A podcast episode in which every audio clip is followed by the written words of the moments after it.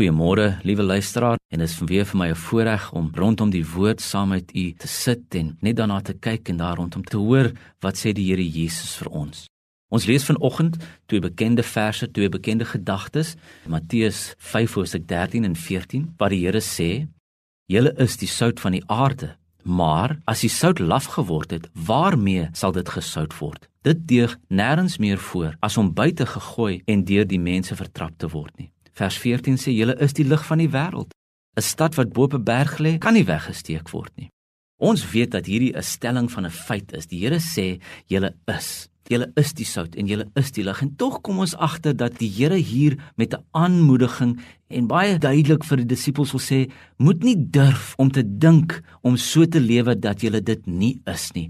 Daar's half 'n aanmoediging. Dis nie 'n opdrag nie, Maar as ons dit lees dan is dit asof hy die die disippels waarskyn sê julle moet dit wees. Julle is sout, julle is lig, maar julle moet dit wees.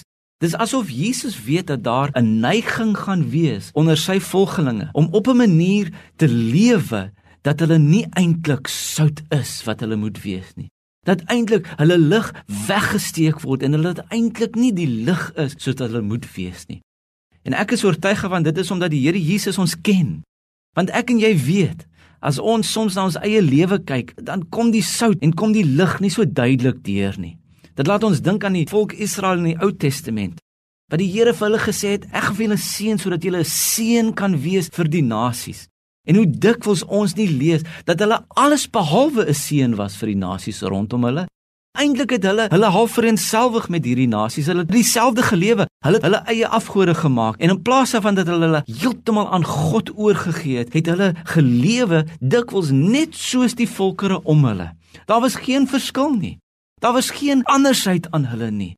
Daar was geen onderskeid tussen die volk van die Here en die volkere om hulle nie. En so is dit dikwels die gevaar in ons eie lewens. Dat ons lewe op 'n manier dat ons dink presies soos wat die wêreld dink, Dat ons dink presies soos wat die wat om ons is dink, die wat nie eers belangstel in Jesus, want ons het dit reg gekry om so ons te vriendselwig met dit wat om ons aangaan. En eintlik sê die Here, hoor hier, julle moet sout wees. Julle moet anders wees.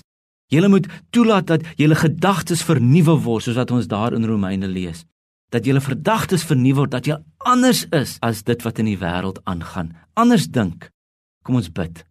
Here, help my Vergewe my dat ek so dikwels, Here, in die plek waar ek lewe, die plek waar ek werk, presies is soos die wat om my is.